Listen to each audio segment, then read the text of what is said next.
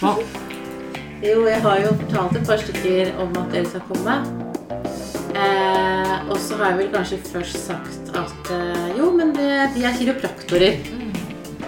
Kiropraktorer? Ja, og hvorfor skal du snakke med to kiropraktorer? Eh, så sier jeg jo, men de har en eh, Altså, de har egentlig en litt sånn egen eh, utdannelse. De har også eh, eh, faglig kompetanse i nervesystemet. Eh, og i og med at alt utspiller seg fra hjernen, så er jo det veldig interessant, syns jeg. Ja, men er ikke kiropraktere bare sånn som bare vrir og brekker, liksom? og, og det er, det er altså, folk gjengs oppfatning av hva en kiropraktor er. Ja, Og, og litt det samme Ja, dessverre. Eh, og det, det er jo den samme oppfatningen eh, folk har av narkolepsi. Eh, som jeg har opplevd. Det er For det første så vet alt fra fagfolk eh, til eh, naboer og venner og familie veldig lite om narkolepsi. Eh, jeg har jo vært hos både ernæringsfysiologer og psykologer og ulike terapeuter, fastlege eh, Som på en måte Tanken om at jeg hadde narkolepsi, var ikke noe som kom fra en fagperson. Det var noe jeg fant ut selv om at det tror jeg kanskje at jeg har. Og du googla det. Så jeg måtte liksom mase meg til en sånn uh, henvisning for å få en søvntest. Ja.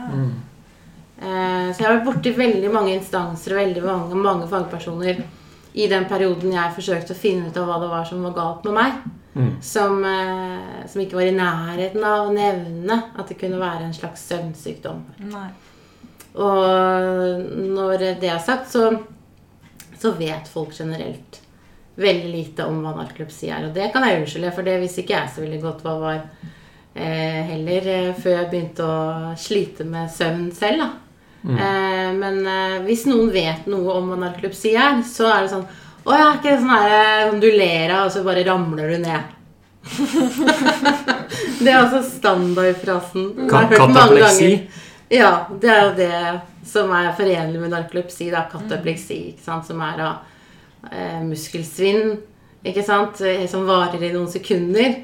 Eh, men dette her er jo muskelsvinn som kan komme på veldig mange ulike måter. Ja. Og den verst tenkelige, altså den som virkelig har eh, kraftig katapleksianfall, vil da kunne le, f.eks., for, eksempel, for det blir jo utløst av følelser, eller veldig emosjonelle, sterke følelser. Kan da f.eks. le og så bare ramle om fordi du mister muskel, du får muskelsvinn i hele kroppen. Ja. Eller kanskje bare i, i leggene. Har du fått det før, eller? Eller, eller har du Ja, jeg har katapleksi, men jeg har da heldigvis ikke den verstingvarianten. da. Mm. Jeg har eh, en eh, Hvis jeg ler, eller eh, noen sier noe morsomt, eller jeg selv syns jeg sier noe morsomt Jeg er heldig at uh, vi er såpass dårlige vitser. da. ja, Så jeg pleier å si det er sånn Såpass humor. kjipe Ja, at det eh, er sånn humorbarometer. Så hvis du sier noe som er så morsomt at jeg mister følelsen i kjeven, da er du morsom, altså. Men det er litt Ja. det samme med f.eks. Tourettes og sånn. da Som Ja. Hvordan det blir eh, portrettert på filmer, f.eks. Mm. Er jo alltid at de banner og er skikkelig stygge i ordbruken. ikke sant? Ja. Og så tror alle at eh, ja, det er sånn det er. Ja. Men så kan det hende du bare har en liten sånn Et lite tics Ja, en- på skulderen eller øyebryn sånn eller Ja. Mm. Det er så mange varianter. munnen. Ja. Ja, og det er det med narkolepsi også. Og Mm. som, som veldig mange tilstander og nervelidelser, da. Så ja. Nettopp. Mm. Men hva er det det eh, Altså jeg, bare, jeg, kan, jeg har ikke hatt noen pasienter med narkolepsi, og, og, men vi har jo prøvd å sette oss litt inn i det i forkant. Mm, og jeg skjønte at det er litt uh, spekulasjoner i at det er mulig på en måte en autoimmun reaksjon, og at det er eh, en slags eh, degenerasjon eller en, en, en eh, av, av disse områdene i hypotalamus. Mm. Og det produserer da et stoff som heter hypokretin Stemmer. fra Ja. Et signalstoff, ja. Et, eller et hormon, da. Ja, For noen, ja. Mm. som man da mister. ja. Eh, litt à la en type noen andre degenera... Eller altså, ikke kall det degenerativ sykdom, Mm. men, men noen andre sykdom hvor du mister rett og slett signalstoffer. Da. Ja, nemlig. Helt riktig. Og det Fikk du det påvist eh, i noen prøver eller gjennom søvntester og spinalvæske eller sånne ting? Mm. Ja, altså jeg fikk eh, eh, Jeg har fått påvist eh, narkolepsi ved å ta eh, søvntest. Eh, og den var nok såpass overbevisende at, eh, at jeg har ikke tatt eh, vevsprøve eller eh, prøver av eh, signalstoff. Mm. Eh, den testen jeg tok, er jo da en sånn internasjonal regulert eh, test med visse kriterier som skal være til stede for at, at det er narkolepsi. Og det er annet at man skal ha eh, innsovninger, da. Eh, et visst antall ganger i løpet av en dag. Eh, og eh, da må over halvparten eller noe sånt, av de innsovningene være under åtte minutter. Mm. Eh, og jeg hadde en søvntest da på Ullevål.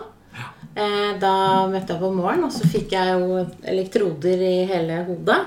Og, og masse, så masse ledninger rundt halsen. Eh, I en sånn væske på siden.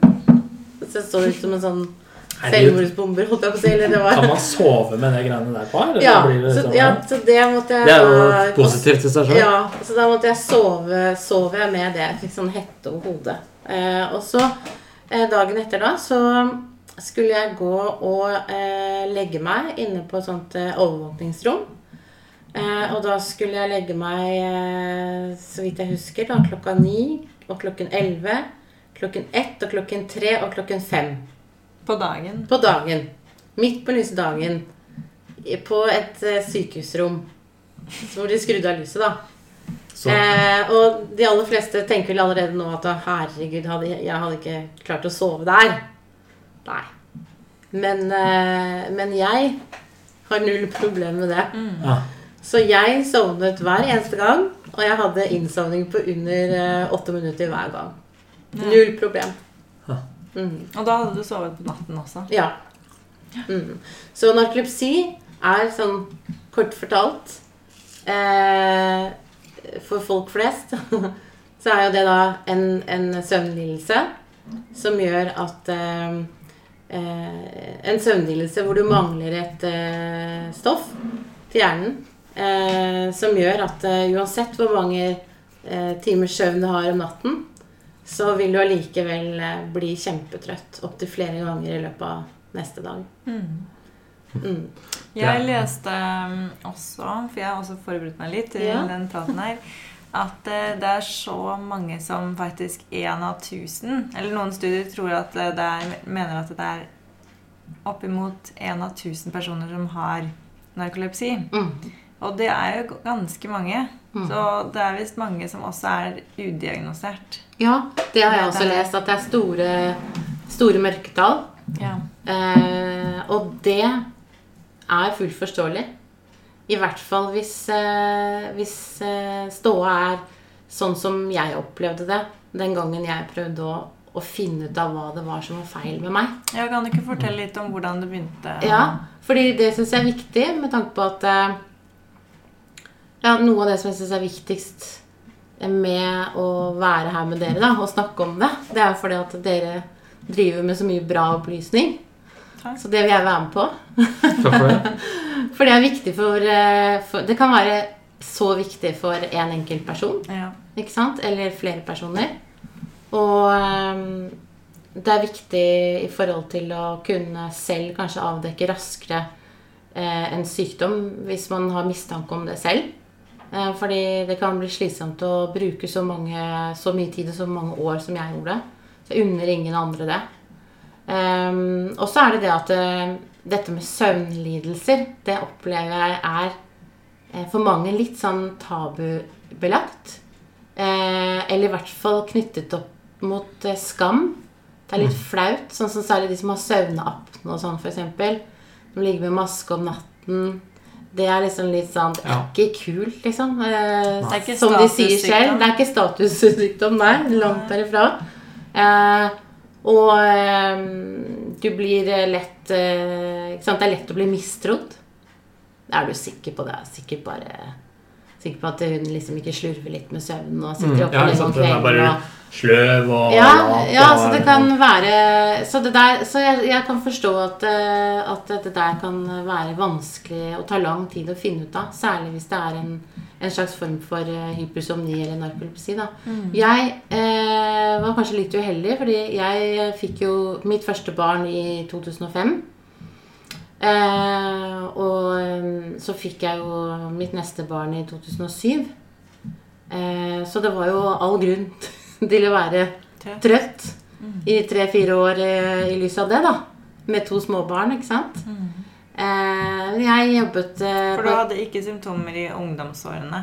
Nei, ingenting. Nei. Jeg har alltid hatt et veldig godt sovehjerte. Det, det kan alle som kjenner meg si, og det, det er jeg helt enig i. Men eh, ikke, ikke på den måten. Nei. Nei.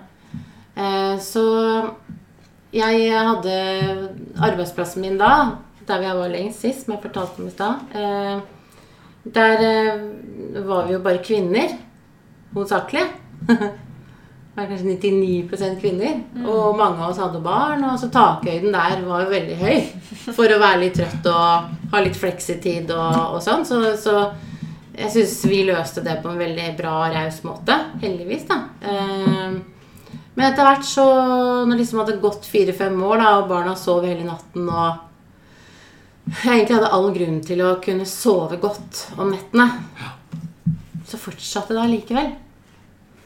Så da ble jo det veldig frustrerende etter hvert. Og jeg hadde jo en ganske ansvarsfull jobb også.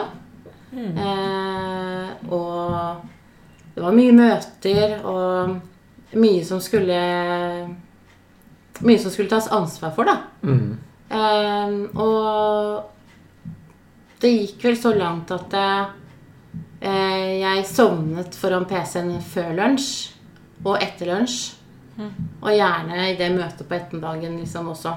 I møtet. Ja, i møtet.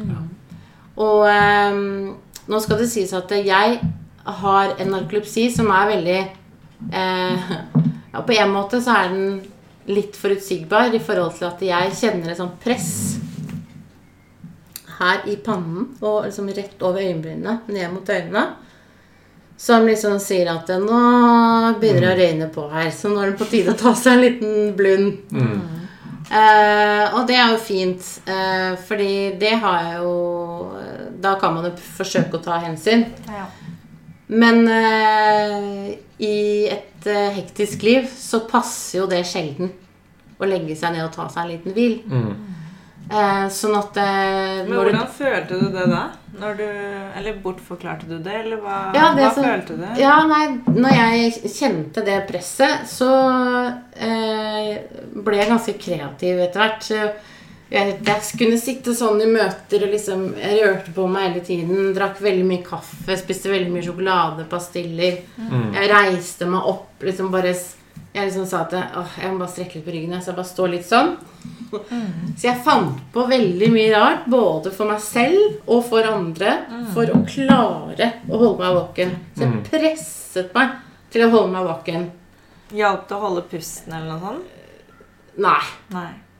Det, til slutt så hjalp ingenting, for til slutt så tok kroppen overhånd og bare satt meg i søvn. Mm. Så da kunne jeg sitte og så prate med deg sånn, og så kunne jeg bare liksom begynne å prate veldig rart med øynene oppe. Mm. Og så til slutt så bare sovner jeg. Rett og slett hodet faller ned, og man ser at Ja. det, Å ja, det her tok hun kveld.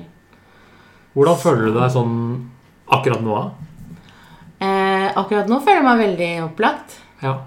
Ja, har det- du forberedt deg noe til vi skal komme? Eller har du lagt Ja, opp dagen rundt det her? eh, Ja, jeg gjør jo alltid det. Eh, og det er kanskje det som eh, Da er det veldig mye man venner seg til over tid. Og jeg har nok vent meg til så mye som jeg ikke tenker over engang lenger. Men jeg vet i hvert fall at eh, jeg har sovet en gang i dag.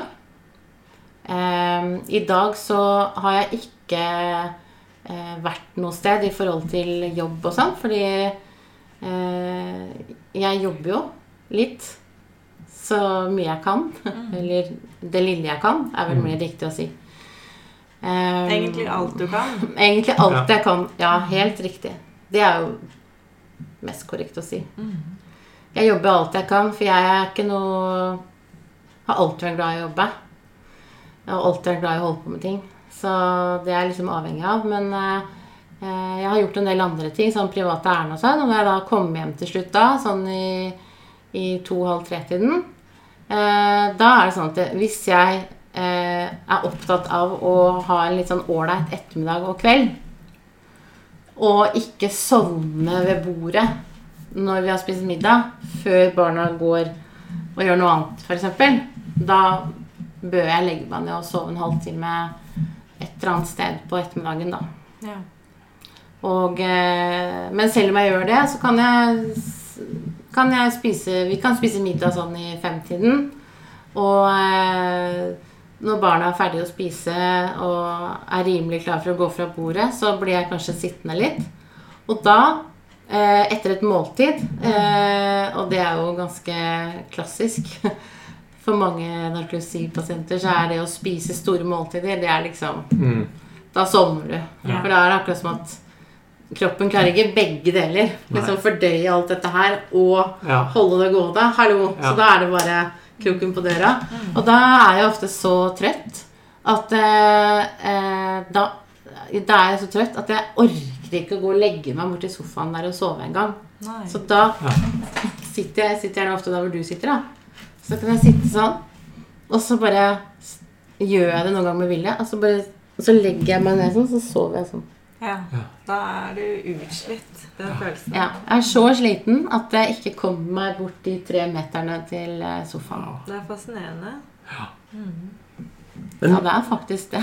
man har jo noen sånne Jeg vet jo liksom Hvis jeg tenker over noen personer i mitt liv da, som jeg vet at jeg er veldig trøtte, Mm. eller sånn Og det, dette er jo Eller det er vel kanskje et spekter, da.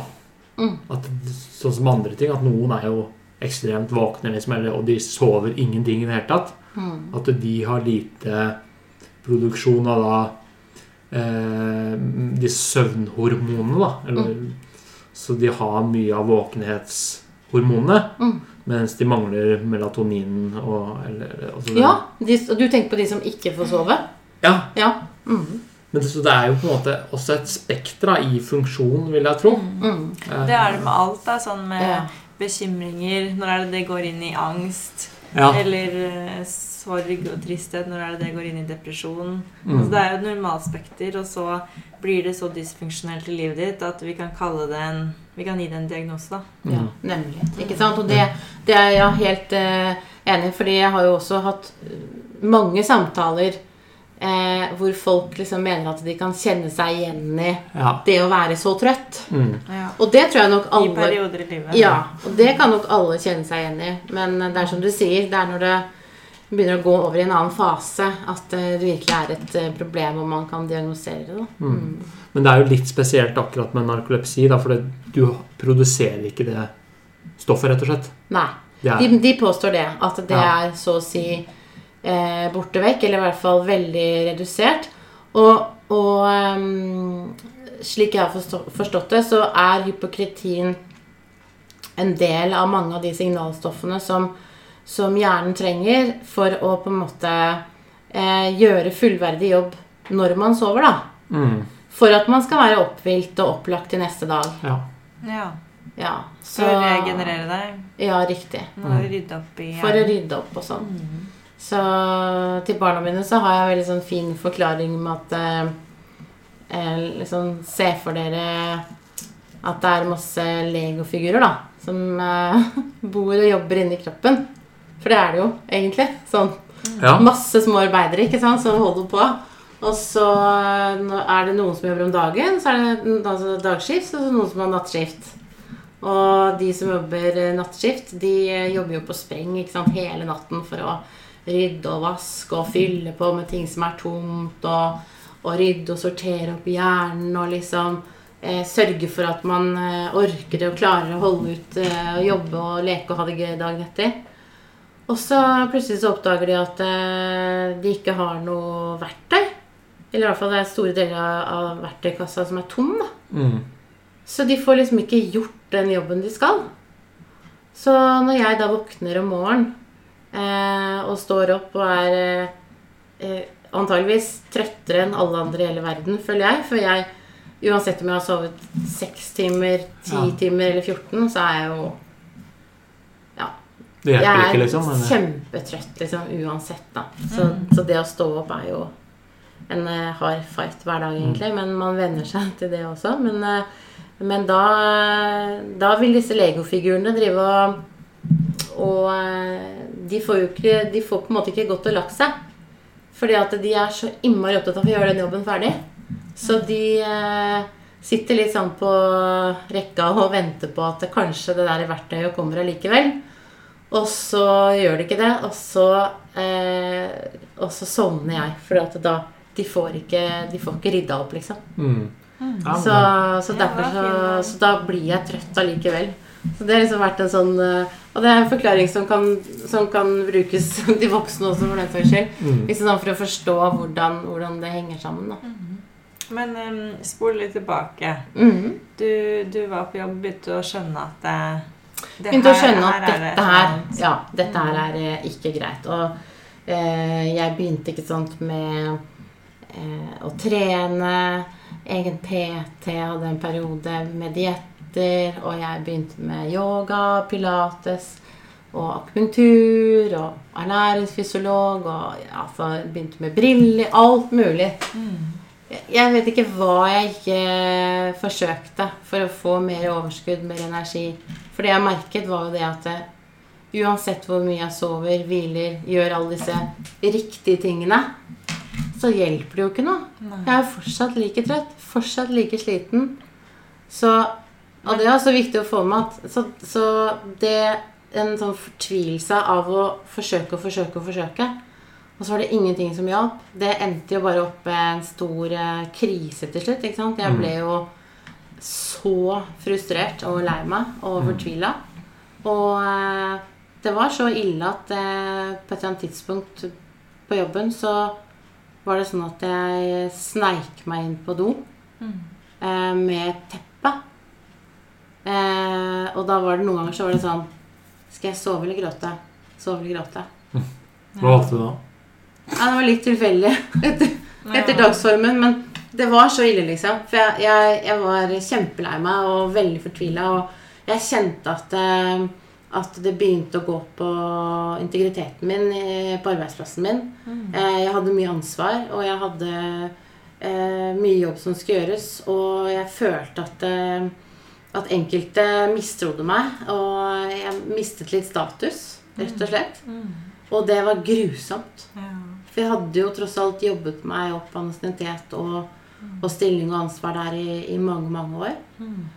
Så det tenker jeg at eh, Det unner jeg ingen andre. Å komme i en så kjip situasjon, da. Mm. Fordi det, det er man, man gjør så godt man kan selv ikke sant, for å ta ansvar selv. Og så opplever man at det ikke funker.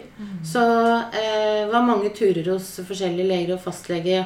Eh, da begynte vi liksom med å skrive ja, gå, deg en, gå deg en lang tur på kvelden.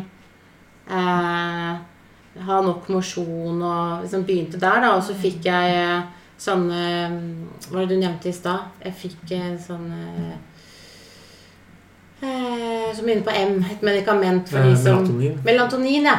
Mm, det fikk jeg. Mm. Eh, som et forsøk. Og så eh, Jeg var hele tiden overbevist om at jeg, jeg er sikker på at jeg har narkolepsi. I en eller annen grad, i hvert fall. Okay. Så jeg, du må bare sende meg til en søvntest. Men det gikk noen runder før liksom Ja. det var legitimt òg, da. Mm. Men det, Eh. det har jeg også opplevd med flere pasienter Mm. som at sånn søvntest, og det, spesielt hvis du ikke er en mann over 50 år som er overvektig, så, blir, så er det nesten litt sånn sist, Nei, nei, du er- siste, Ja. Det er Ja. siste ting vi sjekker, da. Ja. Og, og der har det vært flere, altså i hvert fall en håndfull pasienter av meg, som har vært i slutten av 20-årene, 30-årene, Mm. som har hatt det. Så jeg tror det er, det er mye å hente der i, i Norge, faktisk. Også, Det høres sånn ut, i hvert fall. en annen ting jeg skulle si til eh, det du har beskrevet så langt, er jo at det høres ut som og at du også hadde kunnet gått på en, en smell, da. Gått på veggen. Og det er det jo mange som har, og som hvor de har jo Eller jeg har jo flere pasienter også, det har du òg, som har vært utbredt i en periode. Mm. Og da tar det jo lang tid å bygge seg opp, ikke sant? Veldig. Sånn, det kan jo ta et år, eller faktisk to år, å bygge seg opp hvis du har gått på veggen ordentlig. Veldig. Så derfor tar det jo veldig lang tid før man tenker kanskje helt borti narkolepsi, da. Ja, det var akkurat det, for det var akkurat det som skjedde. At eh, jeg gikk skikkelig på veggen. Og, og befant meg til slutt i en helt sånn forferdelig situasjon. Hvor jeg følte at jeg mistet både identiteten min og jeg mistet eh, jobben min, følte jeg. Mistet eh, all troverdighet, all eh, tillit som jeg hadde blitt gitt. Alt bare rant ut av hendene mine. Og det Uten å brodere det for mye ut, så var det en helt forferdelig periode. Eh, og jeg ble sykemeldt. Mm. Fordi eh, jeg eh, klarte jo ikke å, å dra på jobben fordi jeg bare gråt. Og var helt nede i kjelleren. Og, og følte ikke at jeg eh, Jeg følte ikke at jeg ble trodd, da. Mm. Eh, så da eh, bestemte jeg meg til slutt for at Ok, greit. Eh, jeg får bare akseptere denne sykemeldingen, at den forlenges. Men da skal jeg bruke all min tid på å finne ut av hva det var som feilet meg. Ja. Så da, da bestemte jeg meg for det. Eh, etter å ha vært veldig mye lei meg og veldig Hatt det veldig, veldig tungt da, i lang, lang tid. Sikkert et års tid hvor det var heavy stuff. Ehm, så da ehm, Det var da jeg eh, bare kranglet meg til å få en søvntest. Eneste litt kjipe med det, da, det var at da var det åtte Da sto jeg i åtte måneder i kø for å få den søvntesten. Ja. Ja. Så da hadde du ikke bare mistet helsen, da hadde du jo mistet eh, jobben og helsen og økonomien. For da måtte du jo gå over på søke på arbeidsforklaringspenger. For da var jo det ene året borte vekk. Ja. Så det gjorde jo ikke akkurat livssituasjonen noe bedre. Det kan jeg ikke akkurat si. Men eh, eh, da fikk jeg i hvert fall den søvntesten omsider. Eh, det, det skal sies at rett før jeg fikk den innkallelsen, så, så grep foreldrene mine i den og sa at eh, nå bare finner du en eller annen privatklinikk som kan ta den søvntesten på deg, sånn at vi kommer videre her. For det ble jo en, en belastning, ikke bare for, for meg, men eh, for venner og familie. Og det var jo De var jo stort sett eh, Jeg tror nok de som kjenner meg og har kjent meg mange år, eh, er ikke vant med å se meg så langt nede. Mm. Eh, på den tiden i hvert fall. Så Men eh, da fikk jeg den innkallelsen, da, til Ullevål. Så da fikk jeg tatt den testen. Og så var det da å Det var ikke noe tvil om at det var narkolepsi da. Og så var det å sette i gang med å prøve ut ulike medikamenter da, for å finne noen som kanskje kunne ha en effekt. Mm. For eh, så brukte vi vel da en god eh, stund på det også. For det, tar jo, det å teste ut ulike medikamenter, det er jo ikke gjort på en natt eller tre. Nei. Det går jo gjerne over flere år, ikke sant? Mm. For du skal jo gradere det opp, og så gå på det, og så Blant annet Ritalin og Ja, jeg begynte, fikk faktisk Ritalin var det første jeg fikk. mm. Ehm, og det hadde vel ikke noe sånn særlig effekt, egentlig. Nei. Eh, merket ikke noe særlig der. Men Så- det, det må ha vært godt å få den diagnosen, da. Å, det var en kjempelettelse. Mm. Virkelig. Det var eh, Det har man jo hørt før, liksom hvor, eh, hvor glad man blir. Til tross for at man da har fått Altså i mitt tilfelle, hvor du da har fått narkolepsi, som da er en, en kronisk lidelse, da, som du må leve med resten av livet. Det er jo ikke Mm. akkurat en seier. Nei. Men, men allikevel så var det jo en seier å vite at det var det det var. Ja. Og at det ikke var jeg som var uh, uansvarlig eller slapp eller treig eller Det er det. Uh, Ikke sant? For det, det var jo de, de stemplene man i hvert fall følte at man fikk på seg, og i noen tilfeller, tilfeller fikk jeg det vel antageligvis på meg også, fra arbeidsgiver osv., men uh, det er jo ikke gøy. Nei. Særlig når man liksom er full av samvittighet og, og ansvar, så kjenner man på den, da. Mm. Så det å få en diagnose, uansett hva det måtte være, Mm. det, det hjelper litt, i hvert fall. Det hjelper Mm. på psyken. Det hjelper på psyken, helt klart. Helt Nå er det jo Det er det som er litt av problemet eh, ofte med en del av de pasientene vi ser, er jo at de faller ikke inn nødvendigvis under én sykdomsdiagnose. Nei. Eller det er eh, Det er ofte diffus, da.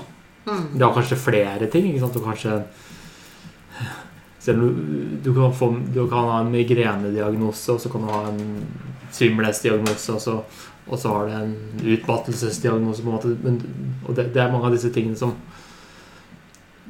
uh, Ja, De sklir godt i sklir hverandre. i hverandre. Mm. Og så, Ja, som ikke har én på en måte positiv test. da Så som Mm. Det er ikke en søvntest Ja, heller. man kan sant. ta. Det er, Hodepine og sånne ting. At du kan- ikke nødvendigvis Hvorfor? på en måte. mm. Ja, Det er jo subjektive diagnoser. Mm. Men opplever dere La oss si at du har en person da som har alle de tre ulike eh, plagene, da. Eh, eh, opplever, så vil jeg vel tro at dere da opplever at personen ender opp med å føle seg ganske mye bedre, kanskje på alle, alle tre felt, eller noen av feltene, ved, etter behandling. Ja, ja. Ja, ja. Ja. Og der, der er det jo kjempe, kjempeflott, for det er ting som funker. Håper jeg. Ja, ikke sant? Og da tenker jeg sånn Da eh, vil jeg tro at eh, Enn så lenge, da. Så enn så lenge, siden vi ikke kan gi en, en konkret forklaring på alle sammenhenger og hvordan ting oppstår, så tenker jeg sånn at eh, da kan vi trøste oss med at eh, ja, ting er veldig komplekst, eh, men med eh, riktig fokus og, og kunnskap på det som gjelder, da. For Mm. ha veldig fokus på hjernens funksjon og nervesystemet, sånn som Mm. dere har, Mm. så kan man faktisk oppnå og få til bedringer. Og så da er det kanskje egentlig ikke så nøye, i hvert fall for pasienten, da, Ja. hva det var som gjorde hva. Men det som ble gjort, det funka liksom på, Mm. på mange ting. Mm. Ja, det er, det er en del som er, er der. Veldig sånn pragmatisk og bare Samme hva du gjør, så lenge det funker, på en måte. Ja.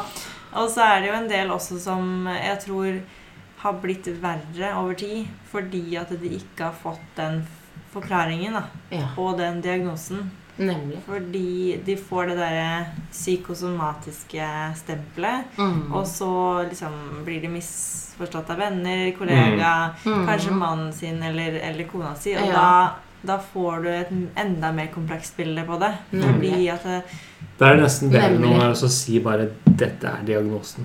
Eller sånn. Ja. Ja, i de tilfellene eller, man kan eller det. man kunne, men- kunne gjort det, liksom. ja.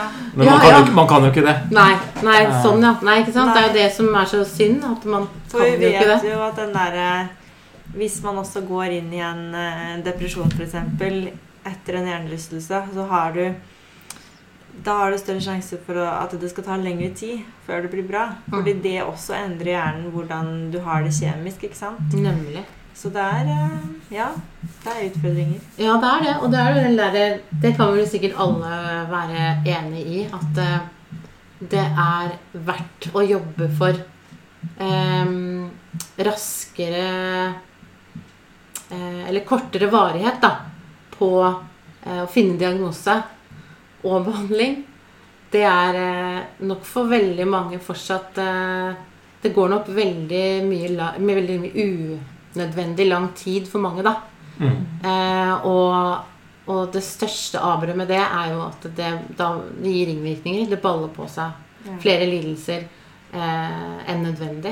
Mm. Så det er jo en sak eh, Det er det. verdt å jobbe mot, og, og klare å få ned det over tid. Da, og liksom få frem hvor viktig det er. Rask behandling og rask diagnostikk. Og det, det tror jeg at vi jobber med, særlig vi som jobber privat, er jo en avlastning for helsesystemet. Mm. Og det er jo derfor mange kommer til oss også, kiropraktorer og fysioterapeuter som jobber privat. Fordi at eh, hvis du må gå med en plage i ja, tre til fem måneder før du kan få en, en henvisning dit og dit, så da er det allerede blitt kronisk. Og vi Mm. vet at kroniske plager, kroniske smerter, tar lengre tid å fikse opp i enn det akutte.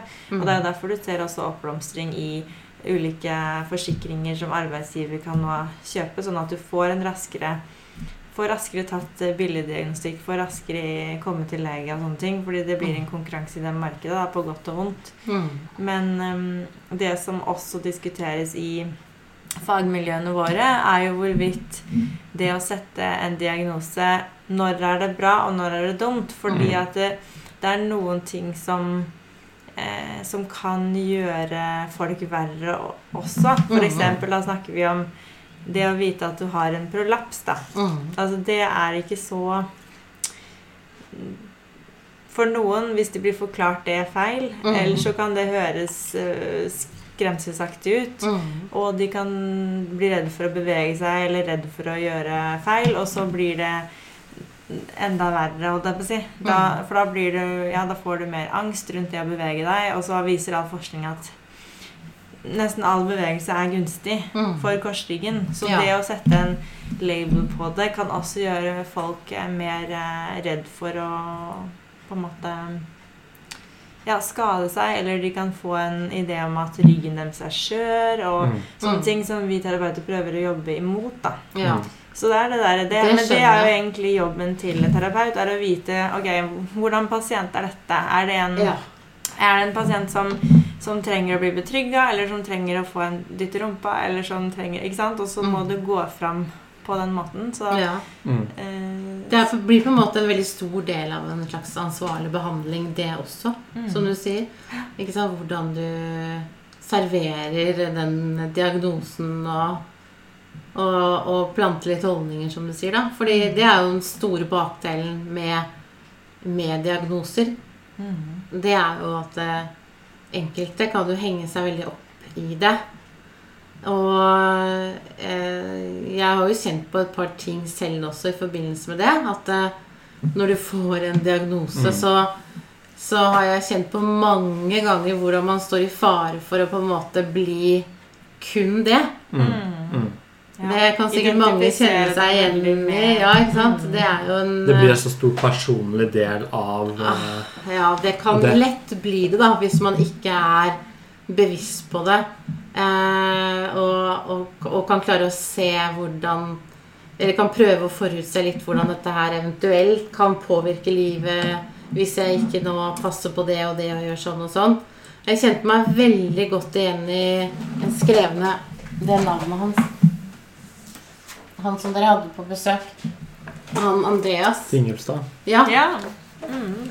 Jeg kjente meg veldig godt igjen i så mye av det som han eh, snakket om når det gjaldt det med å, å, å eksistere da, og fungere i etterkant av eh, det han hadde opplevd. Mm. Og liksom hvordan prøve å også, også få til et liv Mm. eh, med Det er klart eh, Med en lidelse, med en diagnose, med alle de behovene og alle de tingene som må tilrettelegges da, ikke sant? for å få alle disse hjulene til å gå rundt.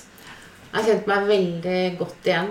Han har en veldig sterk historie, han også. Veldig sterk historie. Og eh, ja, sånn at jeg, jeg tror jeg fikk tårer i øynene et par ganger jeg hørte på eh, det programmet om han. Mm. Kjente meg så utrolig godt igjen i som sagt særlig det følelsesmessige og, og hvor sårbar man, man egentlig er. Men jeg tror nok at både han Nå kjenner jo ikke jeg han, men på, på, på måten han snakket på og hva han fortalte, så, så kjenner jeg meg litt igjen i han. Da, fordi jeg tror nok vi begge to er veldig sånn Vi er veldig utadvendte mennesker.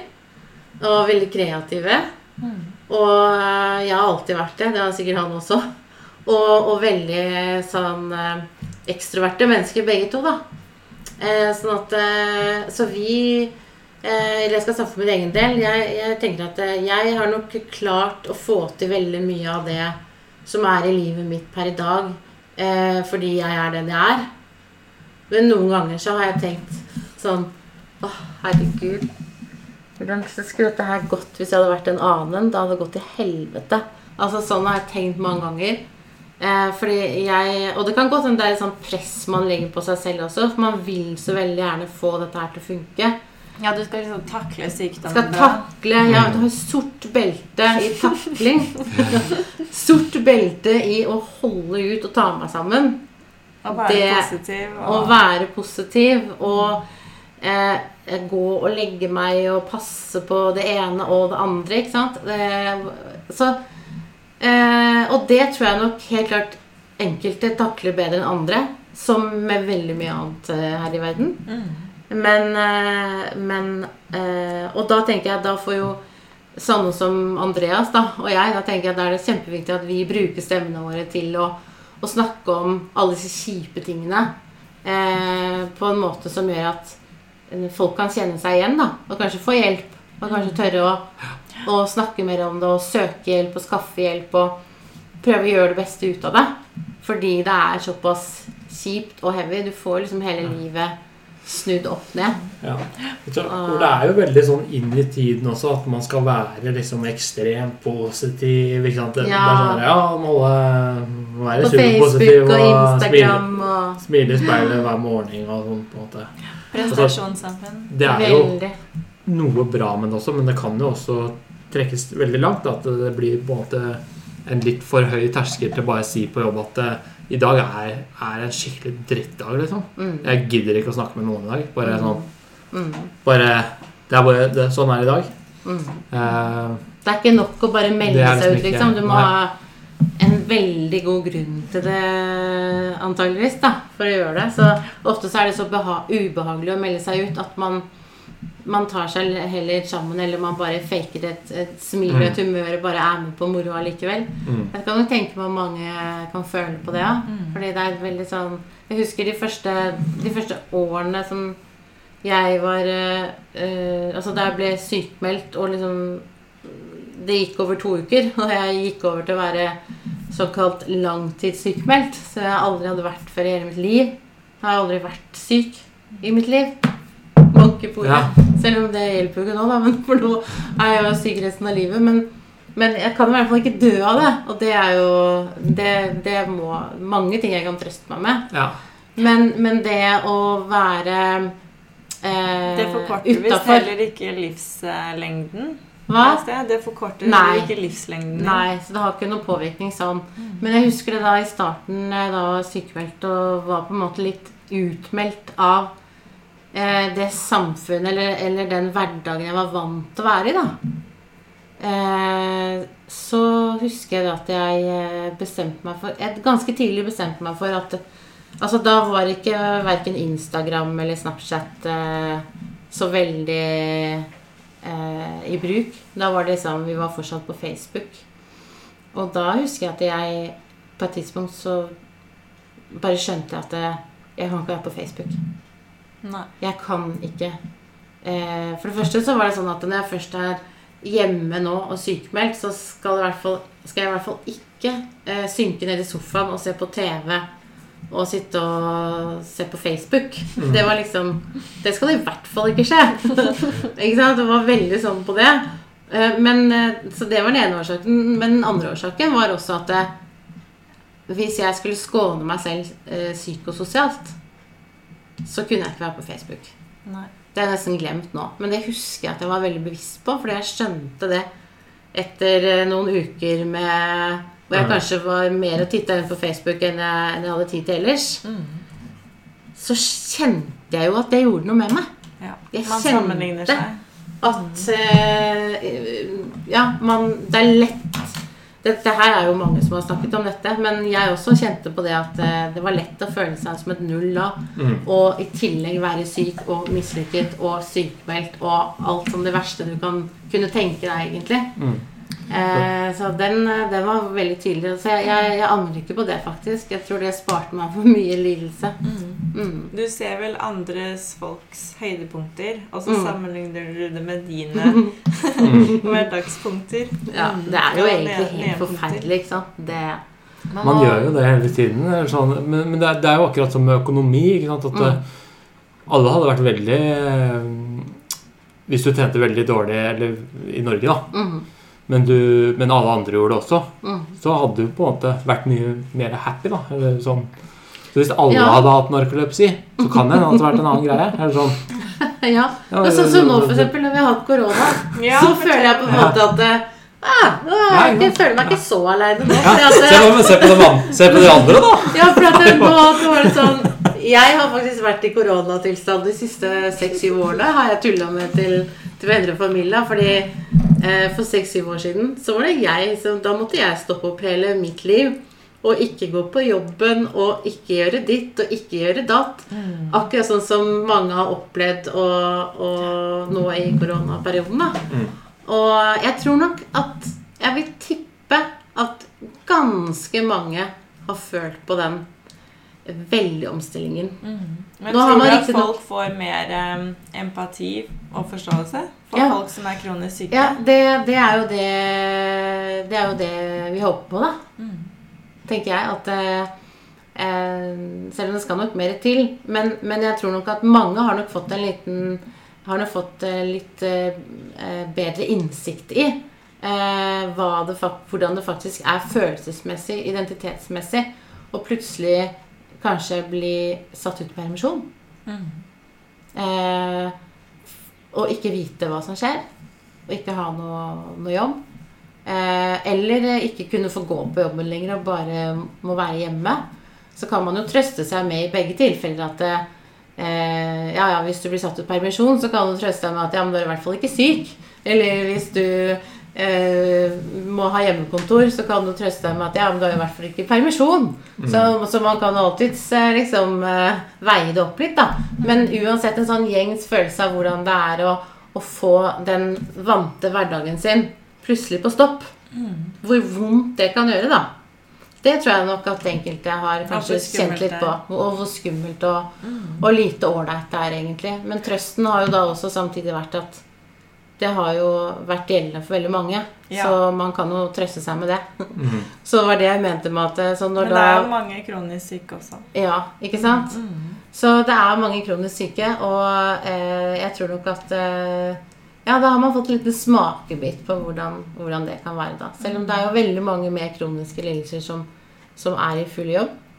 Eh, og jeg eh, kan tenke meg at det også finnes mange med narkolepsi som er i, i full jobb. Det, det kjenner jeg ikke til. Jeg vet ikke noe om det. Det er vel ikke noe statistikk på det eller noe forskning på det heller, vil jeg tro. Enda. Nei, Så.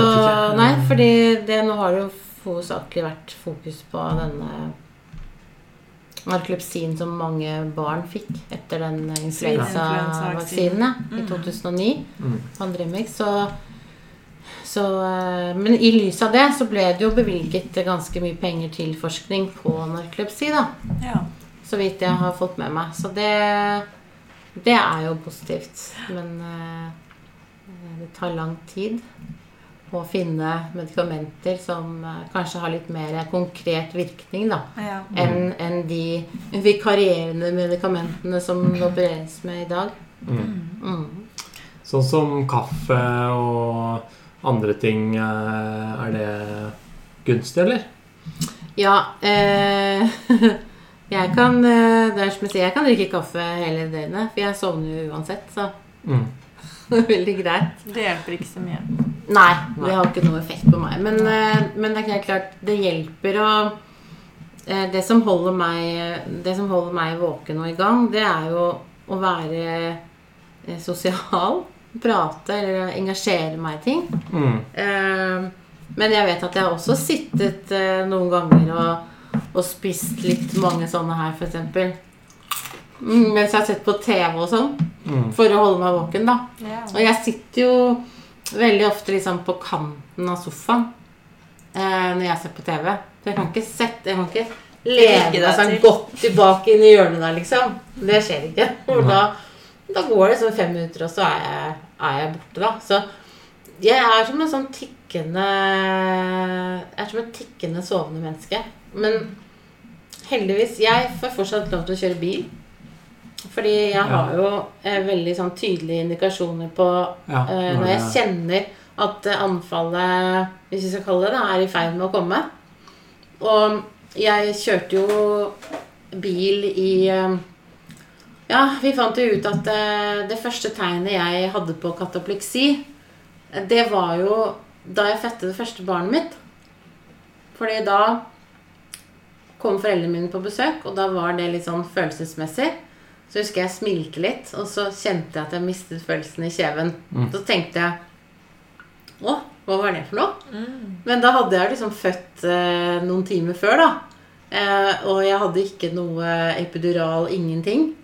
Så jeg hadde jo kjent, eh, kjent på et par ting på kroppen som jeg ikke hadde kjent på før. da, for å si det sånn.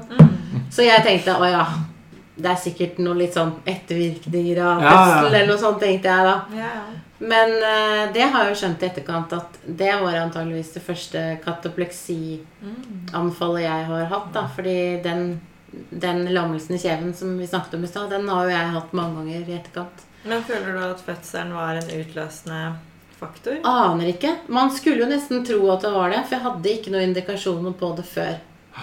Og, og det jeg skulle da si i forbindelse med sertifikat, da, det var at eh, Så jeg har jo eh, antageligvis da levd med narkolepsi eh, fra 2005 eh, til eh, eh, 2014, eh, hvor jeg fikk diagnosen.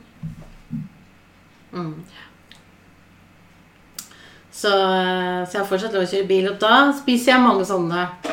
Eller så kjører jeg når jeg kjenner at jeg Altså da spiser jeg ofte mye sånn gulrøtter og sånn nøtter og sånn for å holde meg Mm. eh, våken. Eh, og det er litt sånn forebyggende, da. Mm. Men med en gang jeg kjenner eh, sånn press over her, så må jeg kjøre inn til siden. Ja. Nå skal det sies at eh, jeg kjører veldig lite langturer. Så jeg har ikke noe problem med å kjøre herfra til byen, f.eks. Det er uproblematisk. Men, eh, men vi har sommerhus på Sørlandet bl.a. som tar seks-syv timer. Og da er det sånn at da, da må vi alltid kanskje stoppe to ganger, da. Mm. Ja. Eh, Jeg må ha sånn beeper som beeper veldig høyt når du krysser midtlinja. Sånn. ja, en del elbiler har jo det. Ja, Ja, jeg, det, vet ikke om jeg har det på min, men jeg vet at eh, kjæresten min i hvert fall, han har en sånn alarm som går hvis det kommer for mye. Men eh, nå, nå kjører jeg aldri at jeg kommer på det nivået der, da. Det er, eh, så jeg er veldig ansvarsfull der i forhold til at det er mange kjøreturer som jeg har latt være å ta, f.eks. Være med Har en venninne som har hytte på, på Røros. Det er, en sånn, det er en krevende vei å kjøre. Mm. Så da, den vil jeg helst ikke kjøre. Da, da tar vi toget. Mm. Så, Er det noen siste sånne tips eller ting du har lyst til å dele eller si til folk der ute? Ja, det var litt sånn som jeg sa i stad, at eh, hvis jeg kan bidra med noe i dette her, så er det å sette noen ord på narkolepsi. Og at det antageligvis forekommer eh, blant flere enn vi tror. Det sier jo eh, tallene og, og forskningen også. Ehm, og at uh, det er kjempeviktig fra, fra fagfolks side, da, og kanskje uh, særlig fastlegers side, å kunne ha med seg kanskje mer søvnlidelser i bakhodet uh, når man skal eh, behandle en pasient som har et litt mystisk tilfelle av en lidelse. da. Eh, at man kan ha med seg søvnsykdommer eh, i større grad inn i vurderingen sin. Hvis det, hvis det heller mot noe som gjør at man ikke har overskudd og er mye trøtt. Mm. Eh, så trenger det ikke alltid være søvnapne liksom, eller snorking. Det kan, det kan være narkolepsi, f.eks. Vi vet jo at barn med f.eks. ADHD har jo større problemer med søvn. Mm. Mm. Ikke sant? Så det tenker jeg at eh, det er kjempeviktig. Og for, og for de menneskene som, eh, som sliter, føler seg slitne, aldri får noe overskudd og er bare trøtte og har veldig lite å gå på, så kan jo det være veldig mange ting. Men, men eh, det viktigste er i hvert fall å ikke gi seg Mm. i, i veien på å finne ut av hva er det som feiler meg, og ikke være redd for å be om hjelp. Og søke hjelp kanskje på et litt bredt felt, da. Ikke sant? Kanskje oppsøke en nevrokiropraktor, eller Altså for å få, eh, for å få ulike menneskers eh, kunnskap eh, på seg selv, og, og for å finne en rask løsning, da, sånn at man kan få en rask eh, behandling. Sånn at man kan fortsette å leve livet sitt på best mulig måte.